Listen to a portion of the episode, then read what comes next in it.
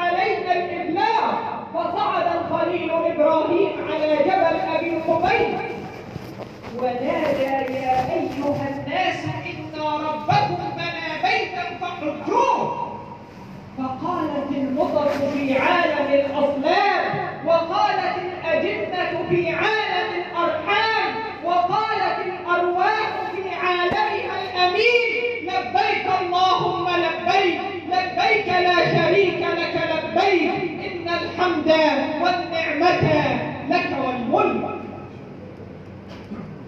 يا زائر قبر الحبيب الهادي بلغ رسول الله شوق فؤادي. إني بحبك يا رسول الله متيم وزيارتي إياك كل مرادي وأشهد أن أستاذنا وحبيبنا وعظيمنا وقائدنا وقدوتنا ومخرجنا من الظلمات إلى النور. محمد عبد الله ورسوله وصفيه من خلقه وحبيبه. ذات يوم دخل عليه سيدنا عمرو بن العاص رضي الله عنه. وجلس أمام سيدنا ومولانا رسول الله صلى الله عليه وسلم. قال له يا رسول الله جئت أبايعك. ومد سيدنا عمرو بن العاص يده إلى سيدنا رسول الله ثم قبضها. قال له ولكن بشرط يا رسول الله. قال له سيدنا رسول الله ما هذا الشرط يا عمرو؟ قال له أن يغفر الله لي ذنوبي. فقال له سيدنا رسول الله يا عمرو اما علمت أن الإسلام يجب ما قبله وأن الهجرة تمحو ما قبلها وأن الحج يمحو ما قبله. من حج البيت أو اعتمر رجع من ذنوبه كيوم ولدته أمه. اللهم ارزقنا حج بيتك الحرام وزيارة قبر نبيك عليه الصلاة والسلام. أما بعد فيا أحباب الحبيب المصطفى صلى الله عليه وسلم. يقول الحبيب المصطفى صلى الله عليه وسلم في الحديث الشريف إن الزمان قد استدار كهيئته يوم أن خلق الله السماوات والأرض.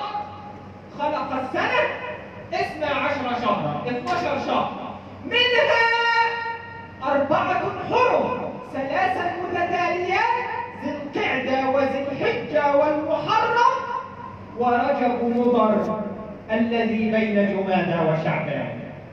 يعني رب العزة تبارك وتعالى خلق السنة اثنى عشر شهرا 12 شهر منها أربعة حرم أربع أشهر حرم.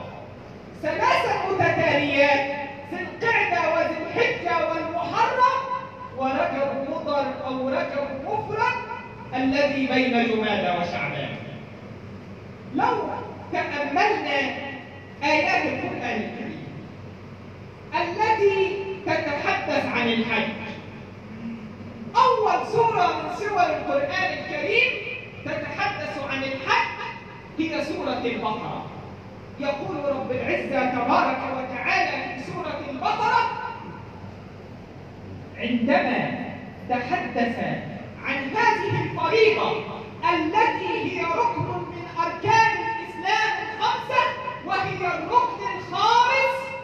المكمل لأركان الإسلام يقول سيدنا ومولانا رسول الله بني الإسلام على خمس شهادة أن لا إله إلا الله وأن محمدا رسول الله وإيقام الصلاة وإيتاء الزكاة وإيقام الصلاة وإيتاء الزكاة وحج البيت لمن استطاع إليه سبيلا.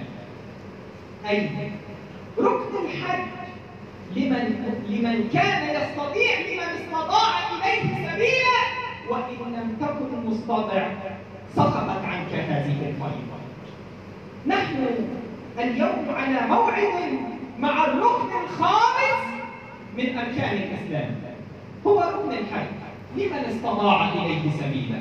يقول رب العزة تبارك وتعالى عندما تحدث عن الحج في سورة آل عمران إن أول بيت وضع للناس للذي بمكة هذا البيت وضع للناس. وما دام البيت وضع للناس إذا الذي وضعه من غير الناس فمن الذي بنى هذا البيت؟ بعد أن توحدوا الله. صلوا على رسول الله. يسأل سيدنا ومولانا رسول الله صلى الله عليه وسلم يا رسول الله أي المساجد؟ وضع أولا. قال له المسجد الحرام. قالوا له ثم ماذا؟ قال المسجد الأقصى. قالوا له وكم بينهما؟ قال أربعون عام. فاستشكل هذا الأمر على كثير من الناس. كيف يكون بين بناء المسجد الحرام والمسجد الأقصى؟ أربعين سنة. الذي بنى المسجد الحرام سيدنا إبراهيم مستعينا بسيدنا إسماعيل. والذي بنى المسجد الأقصى سيدنا داود مستعينا بسيدنا سليمان. فكيف يكون إبراهيم وسيدنا إسماعيل وبين سيدنا داود وسيدنا سليمان أربعين سنة. استشكل هذا الأمر على كثير من الناس. الحقيقة أن الذي بنى المسجد الحرام الملائكة. إن أول بيت وضع للناس. وما دام البيت وضع للناس إذا الذي وضعه من غير الناس. إن أول بيت وضع للناس للذي بمكة بني المسجد الحرام أولا. والذين بنوه هم الملائكة.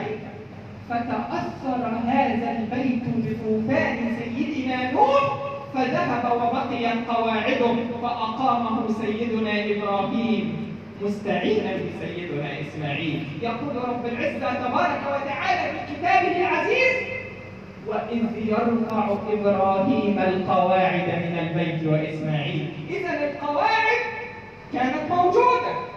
وكل الذي فعله سيدنا إبراهيم وسيدنا إسماعيل بأن أقام قواعد هذا البيت. إن أول بيت وضع للناس للذي بمكة. إحنا نعرف إن هي اسمها مكة.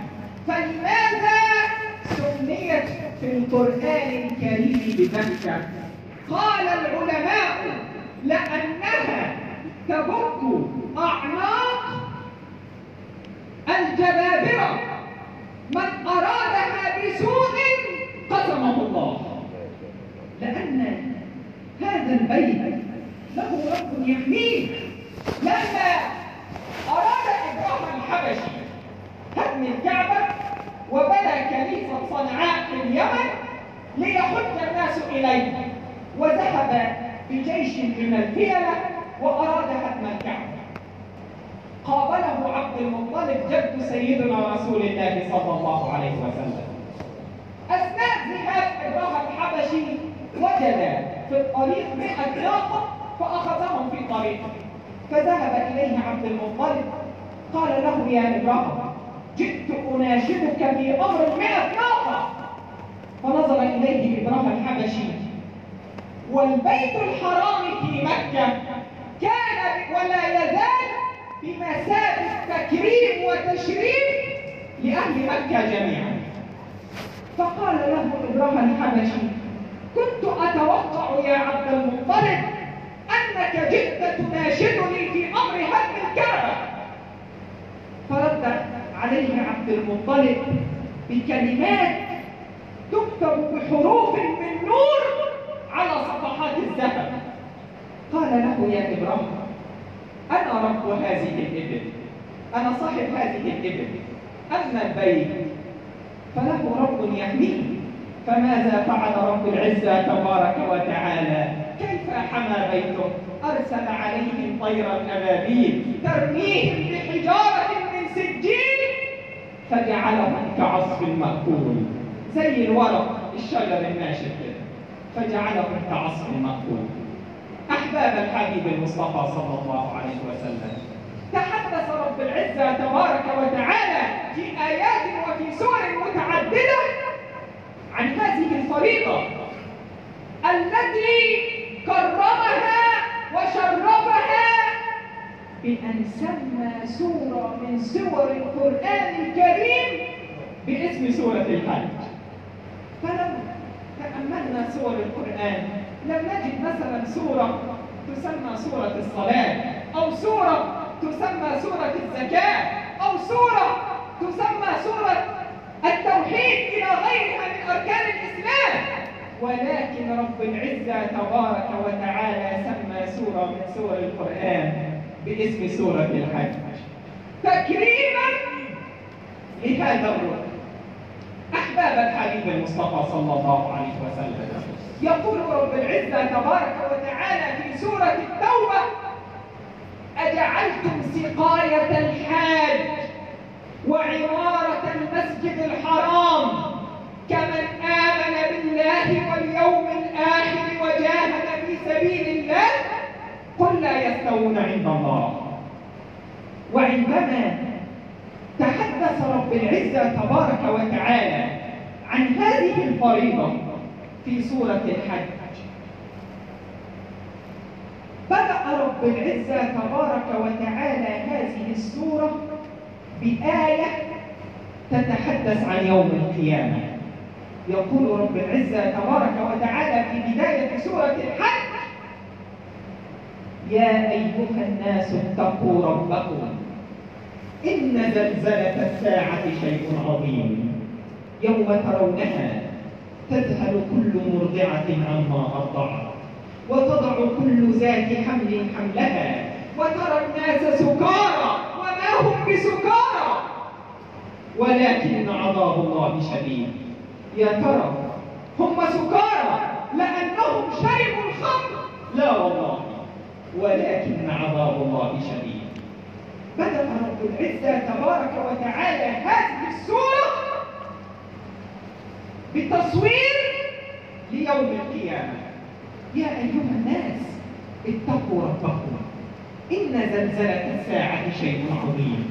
يوم ترونها تذهل كل مرضعة عما أرضعت. وتضع كل ذات حمل حملها. وترى الناس سكارى. وما هم بسكارى ولكن عذاب الله شديد. ثم يقول رب العزة تبارك وتعالى بعدها بآيات وأذن في الناس بالحج يأتوك رجالا وعلى كل ضامر يأتين من كل فج عميق. فلماذا بدأ رب العزة تبارك وتعالى سورة الحج بالتصوير ليوم القيامة؟ لأن موقف الحج هو أشبه المواقف بيوم القيامة. لو نظرنا إلى الحجيج على اختلاف ألوانهم على اختلاف أجناسهم على اختلاف لغاتهم الكل يرتدون زيا واحدا ملابس الإحرام الرداء والإزار يرتدون زيا واحد يرددون بلغة واحدة. يهتفون لبيك اللهم لبيك لبيك لا شريك لك لبيك.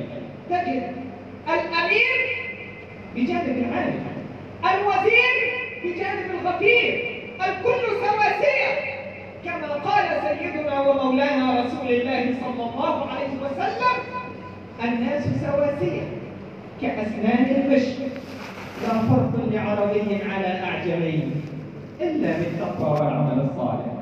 لو أردت أن تنظر إلى صورة مصغرة ليوم القيامة انظر إلى الحجيج وهم على عرفات الكل يردد لغة واحدة يرتدون زيا واحد.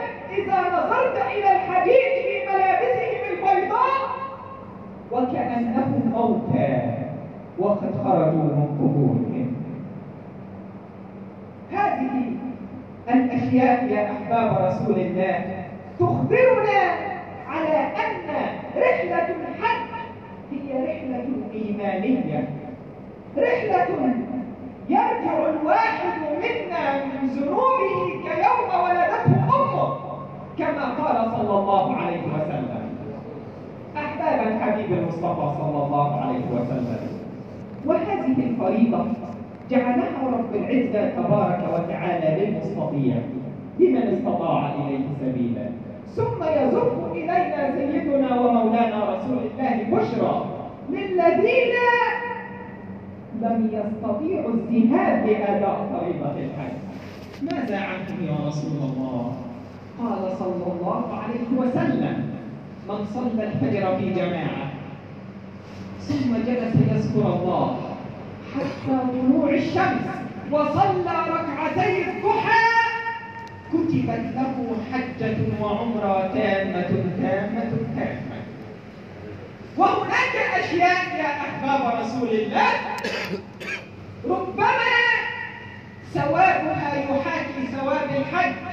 أقولها لحضراتكم بعد جلسة الاستراحة وأستغفر الله العلي العظيم لي ولكم والتائب من الذنب كمن لا ذنب له والتائب حبيب الرحمن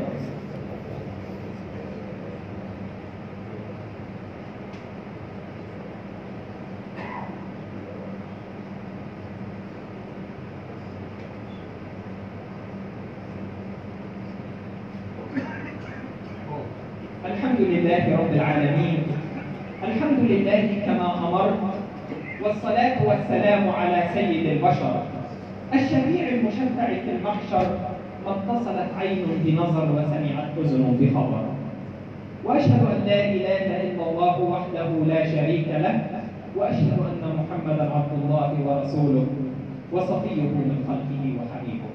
أخوة الإسلام والإيمان يقول رب العزة تبارك وتعالى في سورة البقرة الحج أشهر معلومات فمن فرض فيهن الحج فلا رفث ولا فسوق ولا جدال في الحج. هذه آداب وأخلاق لا بد أن يتصف بها الحج. يقول سيدنا عبد الله بن المبارك رحمه الله ورضي الله عنه إطعام الأكباد الجائعة أولى بالصدقات من الذهاب المتكرر لفريضة الحج لأن رب العزة تبارك وتعالى فرض علينا الحج في العمر مرة. فأفضل من الذهاب المتكرر إطعام الأكباد الجائعة بعد أن توحدوا الله. صلوا على رسول الله. سيدنا عبد الله بن المبارك كان ينوي لذهاب أداء فريضة الحج وهو في الطريق بعدما جمع المال وجد امرأة عجوز تجمع الطيور الميتة فقال لها سيدنا عبد الله بن المبارك يا أمة الله ألم تعلمي بأن الله حرم أكل الميتة؟ قالت له يا ابن المبارك ألم يقل فمن اضطر غير باغ ولا عاد إلى آخر الآيات فأخرج سيدنا عبد الله بن المبارك المال الذي كان يذهب به لأداء فريضة الحج وأعطاه لتلك المرأة. وعاد إلى بيته حبس نفسه في بيته حتى عاد الحجيج من أداء فريضة الحج. وبعدها جاءه واحد من أصدقائه الذين كان ينوي أن يذهب معهم لأداء فريضة الحج. يقول له أتدري ما أجمل؟ ما في هذه الرحلة يا ابن المبارك؟ قال له ما قال له أني ما ذهبت إلى مكان إلا وجدتك فيه. عندما أذهب لرمي الجمرات أجدك قد سبقتني. السعي بين الصفا والمروة أجدك سبقتني. ما ذهبت لآداء شيء من مناسك الحج إلا وجدتك سبقتني إليه فأخذ يسكر عبد الله بن المبارك. أهذا الرجل يفتري علي الكذب ونام ليلته فجاءه هاتف في المنام. يقول له أبشر يا ابن المبارك فإن الله أرسل ملاكا يحج في صورتك وكتبت لك حجة تامة تامة تامة. أحباب الحبيب المصطفى صلى الله عليه وسلم. في هذه الفريضة يدخل الإيمان. في هذه الفريضة يزيد القلب. من حج البيت أو اعتمر رجع من ذنوبه كيوم ولدته أمه. في هذه الفريضة يكتمل الدين حبر من أحبار اليهود واحد من علماء اليهود وبها نختم يقول لسيدنا عمر بن الخطاب رضي الله عنه يا أمير المؤمنين إن آية في قرآنكم نزلت والله لو نزلت علينا نحن معشر اليهود لاتخذنا هذا اليوم عيد. فقال له سيدنا عمر بن الخطاب ما هذه الآية؟ ما هذه الآية؟ قال له الرجل اليهودي اليوم أكملت لكم دينكم وأتممت عليكم نعمتي ورضيت لكم الإسلام دينا. فقال له سيدنا عمر والله إنا لنعلم متى نزلت وأين نزلت. لقد نزلت على رسول الله صلى الله عليه وسلم وهو واقف على عرفات. وكان يوم جمعة. النبي صلى الله عليه وسلم لم يحج في حياته إلا مرة واحدة هي حجة الوداع وهو واقف على عرفات. يقول لأصحابه خذوا عني مناسككم لعلي لا أحج بعد عامي هذا. واقف صلى الله عليه وسلم على عرفات ونزلت عليه هذه الآية الكريمة. اليوم أكملت لكم دينكم وأتممت عليكم نعمتي ورضيت لكم الإسلام دينا. إخوة الإسلام والإيمان فلنتق الله ولنرجع إلى الله ونسأل الله الكريم رب العرش العظيم ونتوجه إليه في عليائه أن يرزقنا حج بيته الحرام وزيارة قبر نبيه عليه الصلاة والسلام. اللهم اجعلنا ممن تباهي بهم ملائكتك وهم واقفون على عرفات وتقول انظروا يا ملائكتي إلى عبادي. آتوني, آتوني شخصا غبرا ضاحين أشهدكم يا ملائكتي بأني قد غفرت لهم اللهم اغفر لنا مع أهل الموقف العظيم. اللهم اغفر لنا مع أهل عرفات. اللهم اجعلنا ممن يستمعون إلى القول فيتبعون أحسنه. اللهم اهدنا واهدي بنا واجعلنا سببا لمن اهتدى.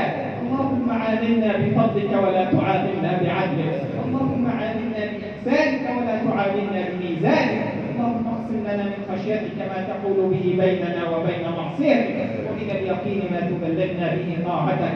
وصلى الله وسلم وبارك على سيدنا محمد وعلى آله وصحبه أجمعين. وآخر دعوانا أن الحمد لله رب العالمين. وأقم الصلاة. الله أكبر الله أكبر. أشهد أن لا إله إلا الله. أشهد أن محمدا رسول الصلاة حي على الفلاح قد قامت الصلاة قد قامت الصلاة الله أكبر الله أكبر. لا إله إلا الله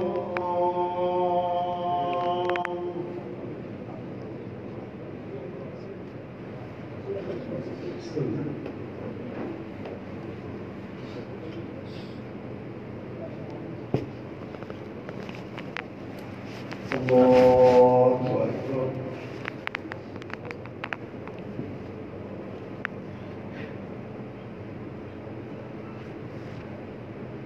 الله الرحمن الرحيم.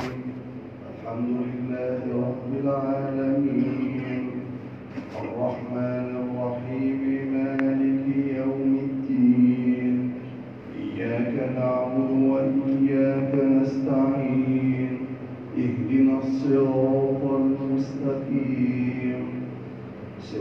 الذين أنعمت عليهم غير المغضوب عليهم غير المغضوب عليهم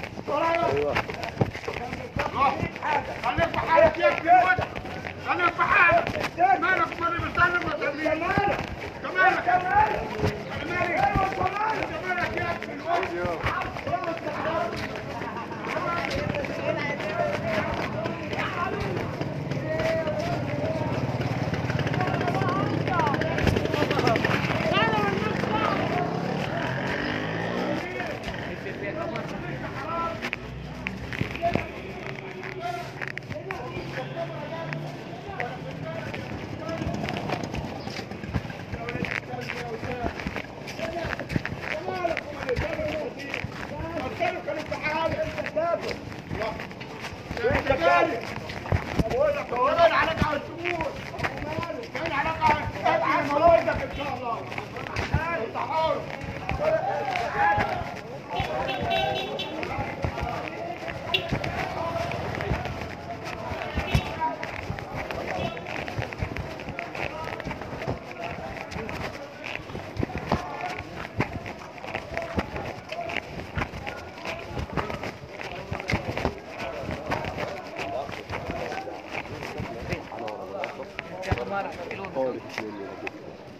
يعني هتبقى مت هيجيبوا قلبها طيب إزاي كده هيجيبوا قلبها هياكلوا قلبها ويسيبوا اللي بره. الفلفل الاحمر كيلو كيلو 25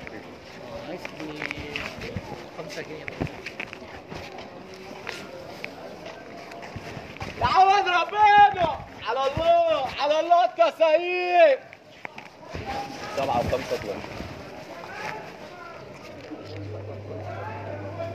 على الله على الله. هجيب لك 3 جنيه مفيش فرق. هجيب لك 3 جنيه. تعود علينا ربنا. عشان نفرق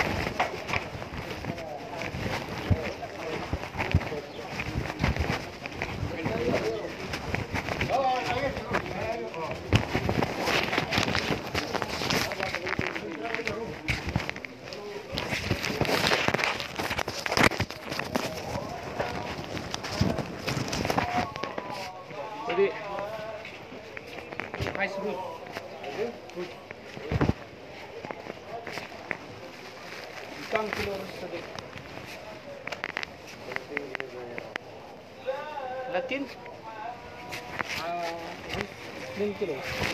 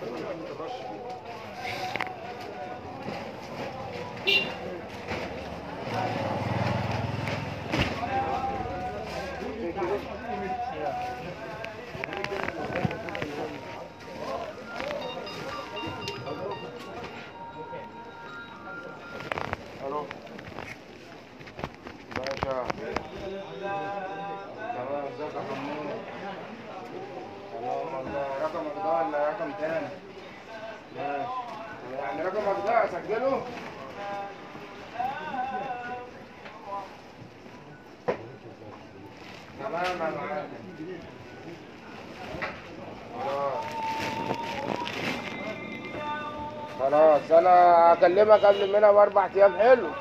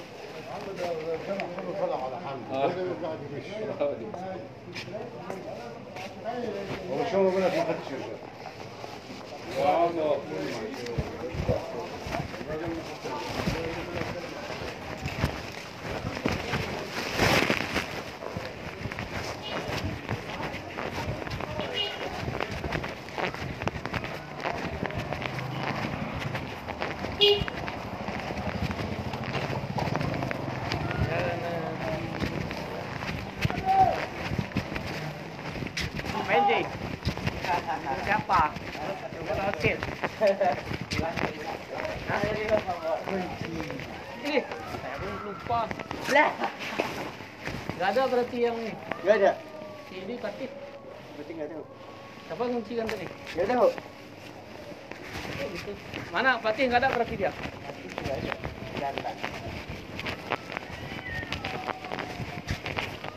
Dah masuk lagi sini Ji. Tuh tuh. Ada kunci dah. Oh kunci di dalam? Iya.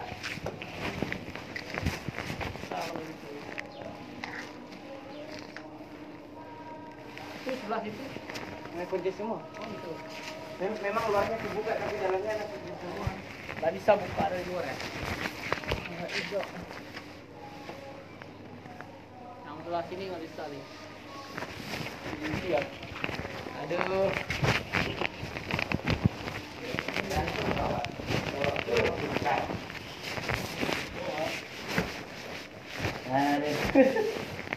mana kita nih sih? jauh Mana dia masih?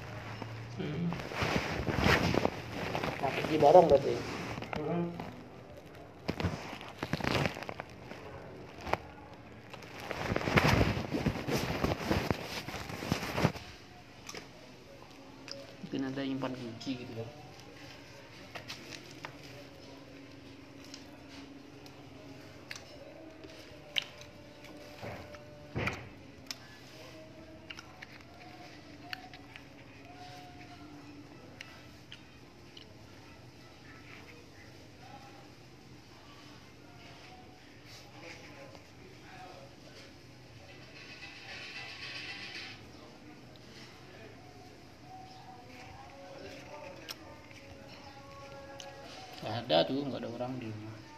Langsung. kakak, bawa juga dia. Hmm? kakak bawa juga dia. Nah terus apa yang Haikal dong. Haikal duluan.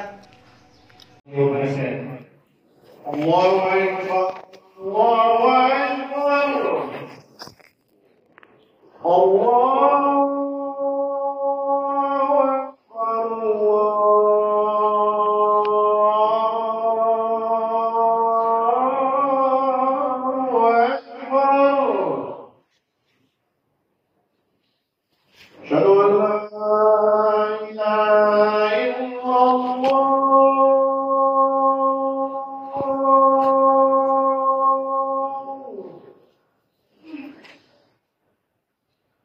أشهد أن لا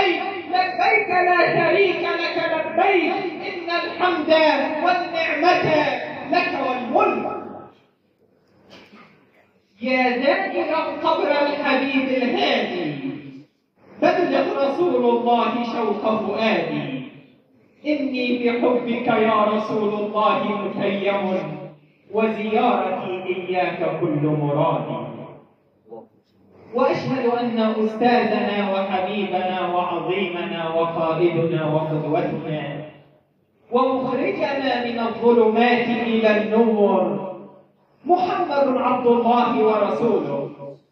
وصفيه من خلقه وحبيبه.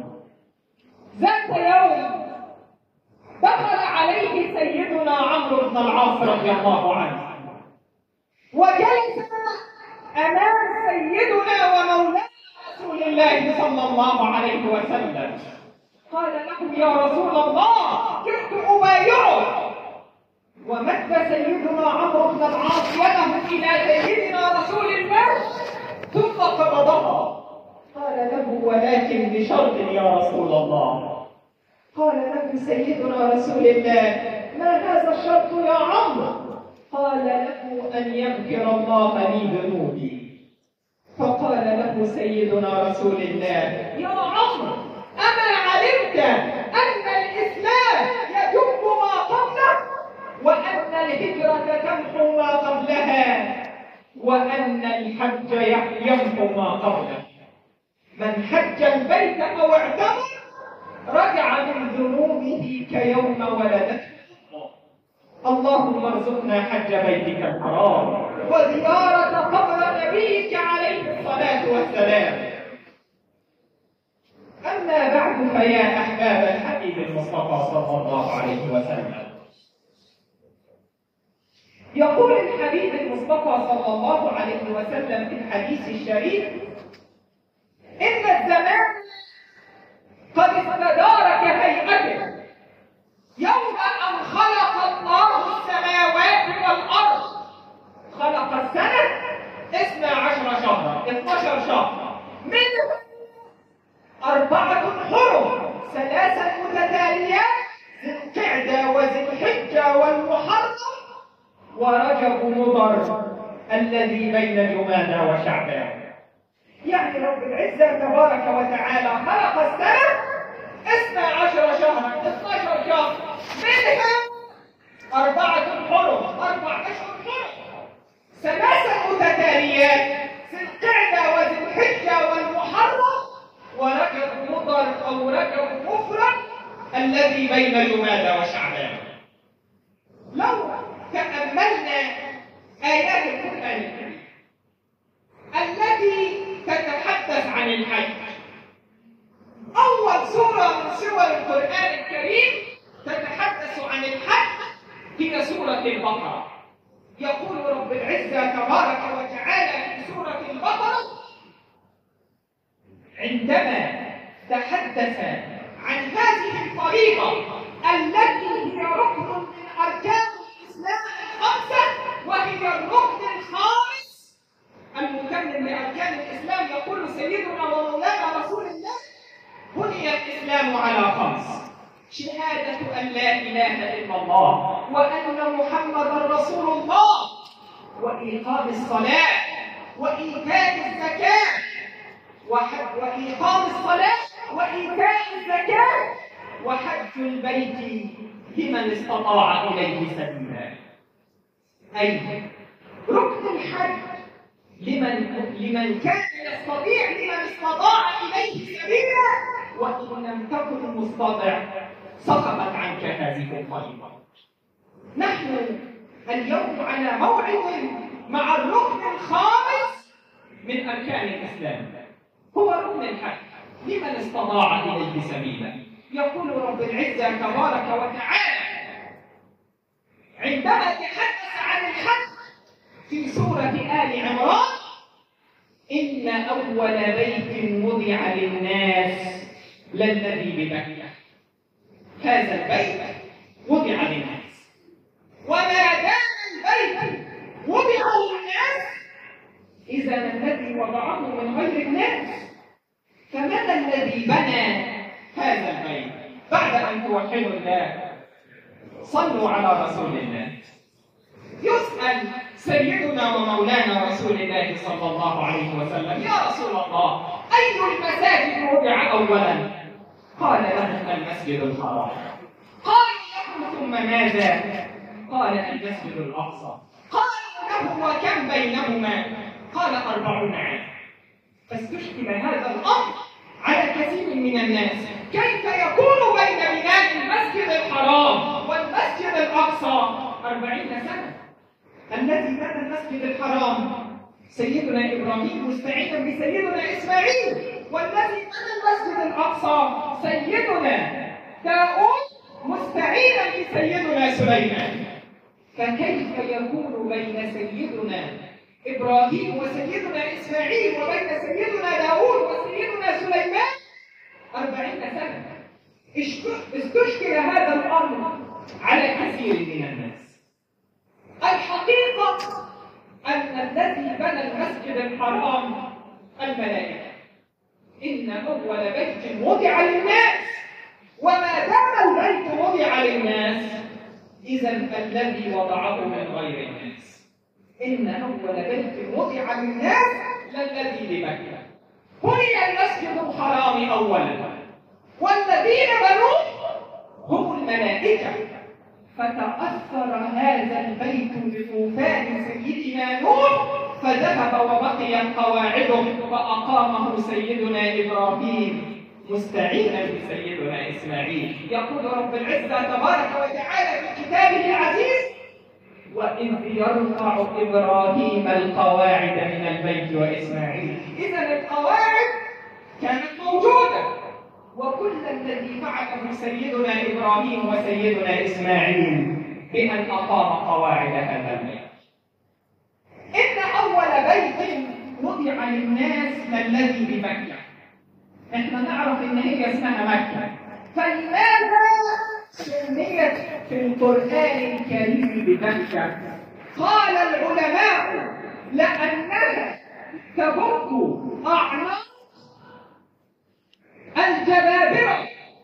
من أرادها بسوء قسمه الله. لأن البيت له رب يحميه لما أراد إبراهيم الحبش هدم الكعبة وبنى كنيسة صنعاء في اليمن ليحج الناس إليه وذهب بجيش من الفيلة وأراد هدم الكعبة. قابله عبد المطلب جد سيدنا رسول الله صلى الله عليه وسلم. أثناء ذهاب إبراهيم الحبشي وجد في الطريق مئة ناقة فأخذهم في طريقه. فذهب إليه عبد المطلب. قال له يا إبراهيم جئت أناشدك في أمر مئة ناقة فنظر إليه إبراهيم الحبشي.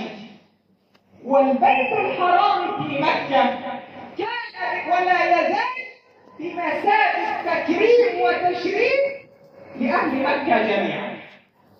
فقال له إبراهيم الحبشي كنت أتوقع يا عبد المطلب أنك جئت تناشدني في أمر هدم الكعبة فرد عليه عبد المطلب بكلمات تكتب بحروف النور على صفحات الذهب قال له يا إبراهيم أنا رب هذه الإبل.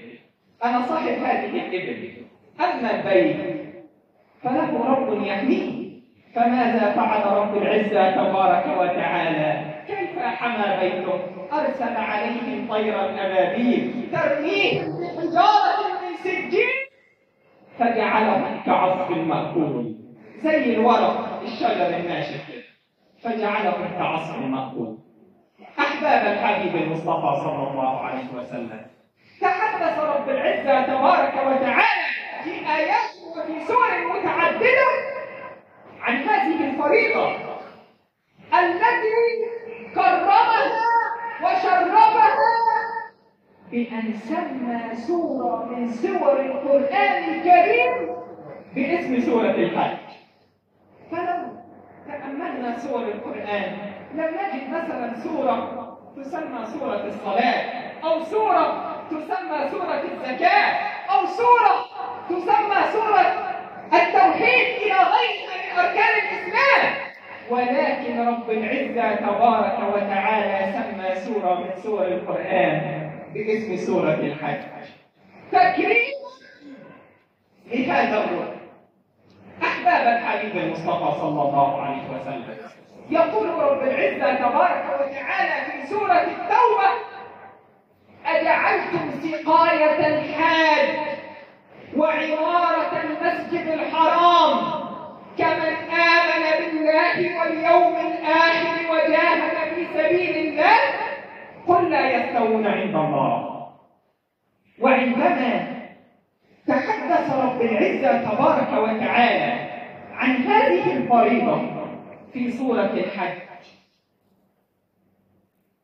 بدأ رب العزة تبارك وتعالى هذه السورة بآية تتحدث عن يوم القيامة.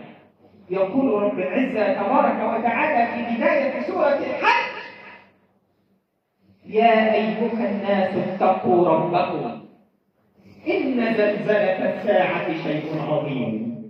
يوم ترونها تذهل كل مرضعة عما أرضعت وتضع كل ذات حمل حملها. وترى الناس سكارى. وما هم بسكارى. ولكن عذاب الله شديد. يا ترى هم سكارى لأنهم شربوا الخمر. لا والله. ولكن عذاب الله شديد. بدأ رب العزة تبارك وتعالى هذه السورة بتصوير ليوم القيامة. يا أيها الناس اتقوا ربكم. إن زلزلة الساعة شيء عظيم. يوم ترونها تذهل كل مرضعة عما أرضعت. وتضع كل ذات حمل حملها. وترى الناس سكارى وما هم بسكارى. ولكن عذاب الله شديد. ثم يقول رب العزة تبارك وتعالى بعدها بآيات وأذن في الناس بالحج يأتوك رجالا وعلى كل ضامر يأتين من كل فج عميق. فلماذا؟ بدأ رب العزة تبارك وتعالى سورة الحج في التصوير ليوم القيامة. لأن موقف الحج هو أشبه المواقف بيوم القيامة.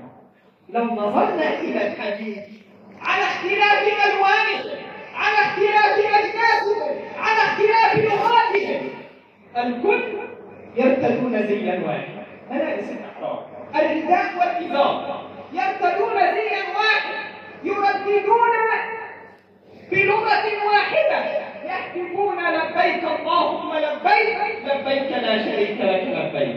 تجد الأمير بجانب العالم الوزير بجانب الغفير الكل سواسية كما قال سيدنا ومولانا رسول الله صلى الله عليه وسلم الناس سواسية كأسنان المشط لا فرق لعربي على أعجمي إلا بالتقوى والعمل الصالح.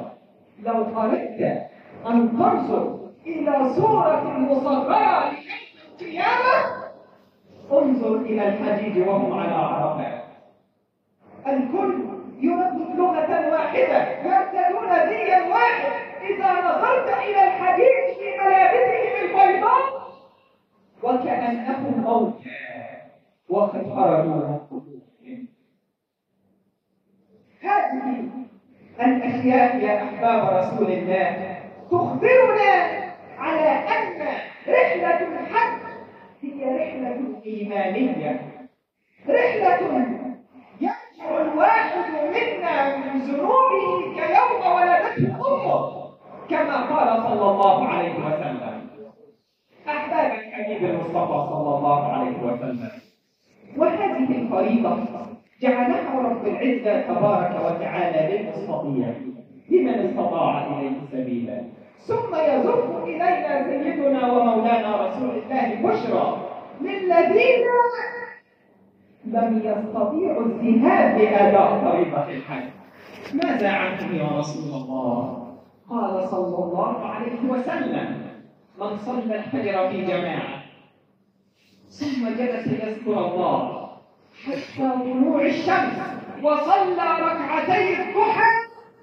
كتبت له حجة وعمرة تامة تامة تامة. وهناك أشياء يا أحباب رسول الله. ربما ثوابها يحاكي ثواب الحج أقولها لحضراتكم بعد جلسة الاستراحة وأستغفر الله العلي العظيم لي ولكم والتائب من الذنب كمن لا ذنب له والتائب حبيب الرحمن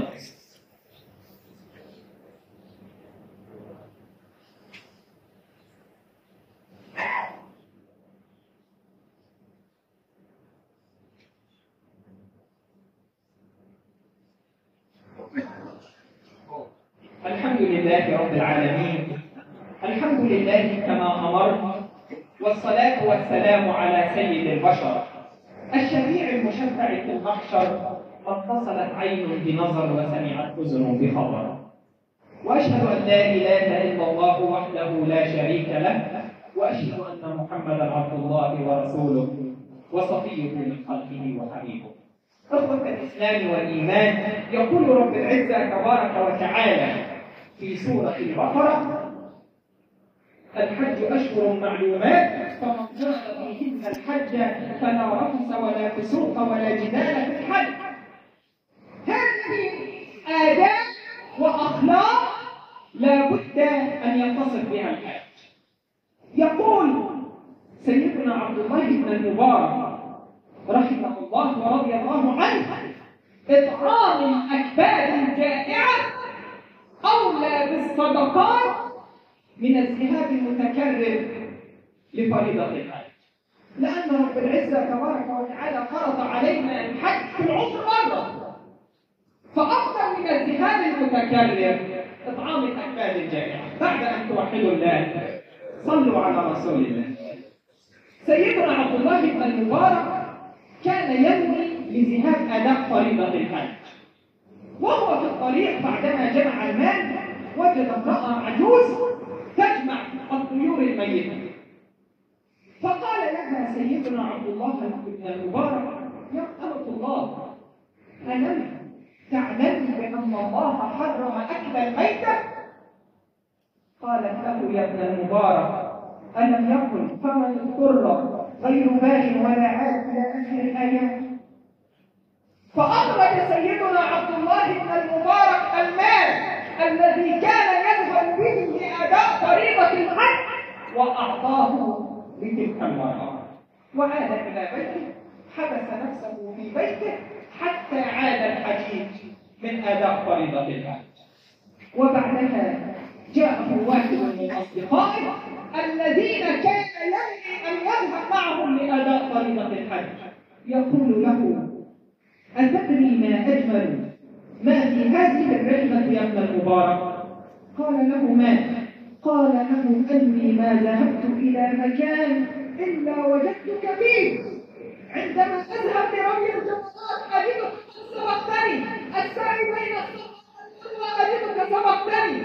ما ذهبت لآداء شيء من مناسك الحج إلا وجدتك سبقتني إليه فأخذ يسكر عبد الله بن المبارك.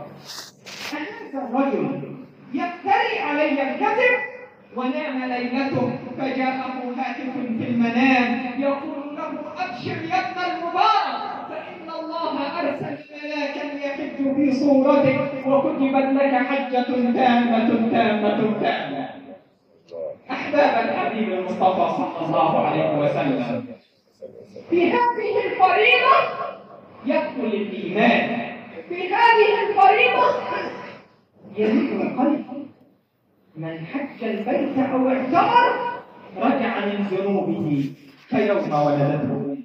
في هذه الفريضة يكتمل الدين حبر من أحبار اليهود واحد من علماء اليهود وبها نختم.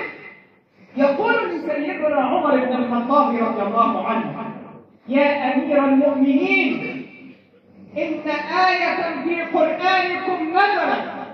والله لو نزلت علينا نحن معشر اليهود لاتخذنا هذا اليوم عيد. فقال له سيدنا عمر بن الخطاب ما هذه الآية؟ ما هذه الآية؟ قال له الرجل اليهودي اليوم أكملت لكم دينكم وأتممت عليكم نعمتي. ورضيت لكم الإسلام دينا. فقال له سيدنا عمر والله إنا لنعلم متى وأين نزلت. لقد نزلت على رسول الله صلى الله عليه وسلم وهو واقف على عرفات وكان يوم جمعة. النبي صلى الله عليه وسلم لم يحج في حياته. إلا مرة واحدة هي حجة الوداع وهو واقف على عرفات. يقول لأصحابه خذوا عني مناسككم لعلي لا أحج بعد عامي هذا. واقف صلى الله عليه وسلم على عرفات ونزلت عليه هذه الآية الكريمة اليوم أكملت لكم دينكم وأتممت عليكم نعمتي ورضيت لكم الإسلام دينا إخوة الإسلام والإيمان. فلنتق الله ولنرجع إلى الله ونسأل الله الكريم رب العرش العظيم ونتوجه إليه في علامه أن يرزقنا حج بيته الحرام وزيارة قبر نبيه عليه الصلاة والسلام. اللهم اجعلنا ممن تباهي به ملائكتك وهم واقفون على عرفات وتقول انظروا يا ملائكتي إلى عبادي آتوني آتوني شخصا غبرا ضاحين أشهدكم يا ملائكتي بأني قد غفرت لهم اللهم اغفر لنا مع أهل الموقف العظيم. اللهم اغفر لنا مع أهل عرفات. اللهم اجعلنا ممن يستمعون إلى القول فيتبعون أحسنه. اللهم اهدنا واهدي بنا واجعلنا سببا لمن اهتدى اللهم عاملنا بفضلك ولا تعاملنا بعدلك اللهم عاملنا بإحسانك ولا تعاملنا بميزانك اللهم اقسم لنا من خشيتك ما تحول به بيننا وبين معصيتك ومن اليقين ما تبلغنا به طاعتك وصلى الله وسلم وبارك على سيدنا محمد وعلى اله وصحبه اجمعين واخر دعوانا ان الحمد لله رب العالمين واقم الصلاه الله أكبر الله أكبر أشهد أن لا إله إلا الله رسول الله. حي على الصلاة حي على الفلاح. قد قامت الصلاة قد قامت الصلاة الله أكبر الله أكبر لا إله إلا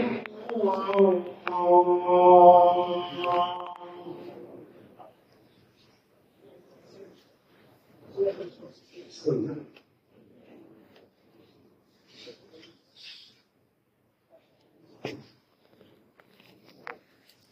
الله أكبر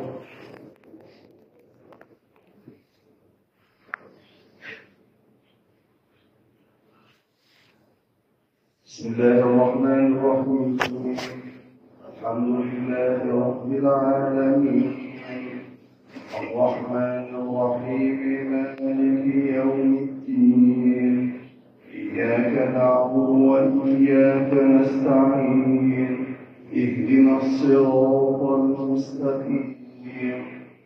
صراط الذين أنعمت عليهم غير المغضوب عليهم غير المغضوب عليهم ولا الضالين.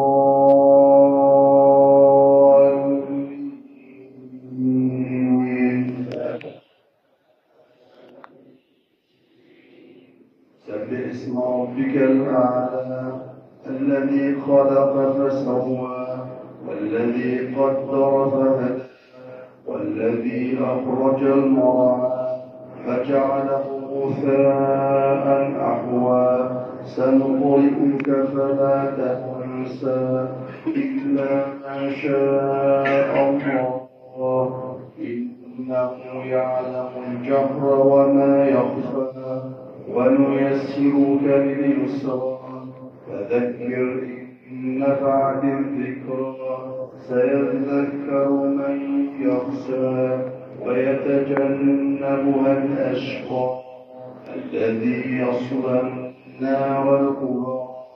ثم يموت فيها ولا يحيا. قد أفلح من تزكى. وذكر اسم ربه فصلى. بل تؤثرون الحياة الدنيا والآخرة خير وأبقى. إن هذا في الصحف. الأولى صحف إبراهيم وموسى. الله أكبر.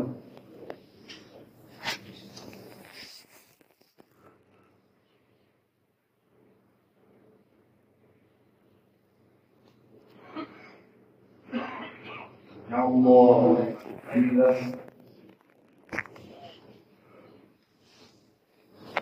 الله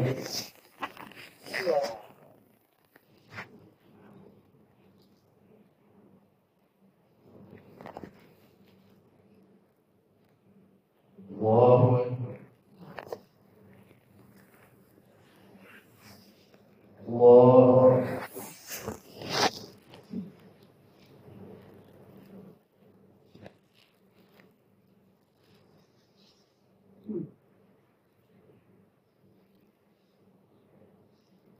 الله أكبر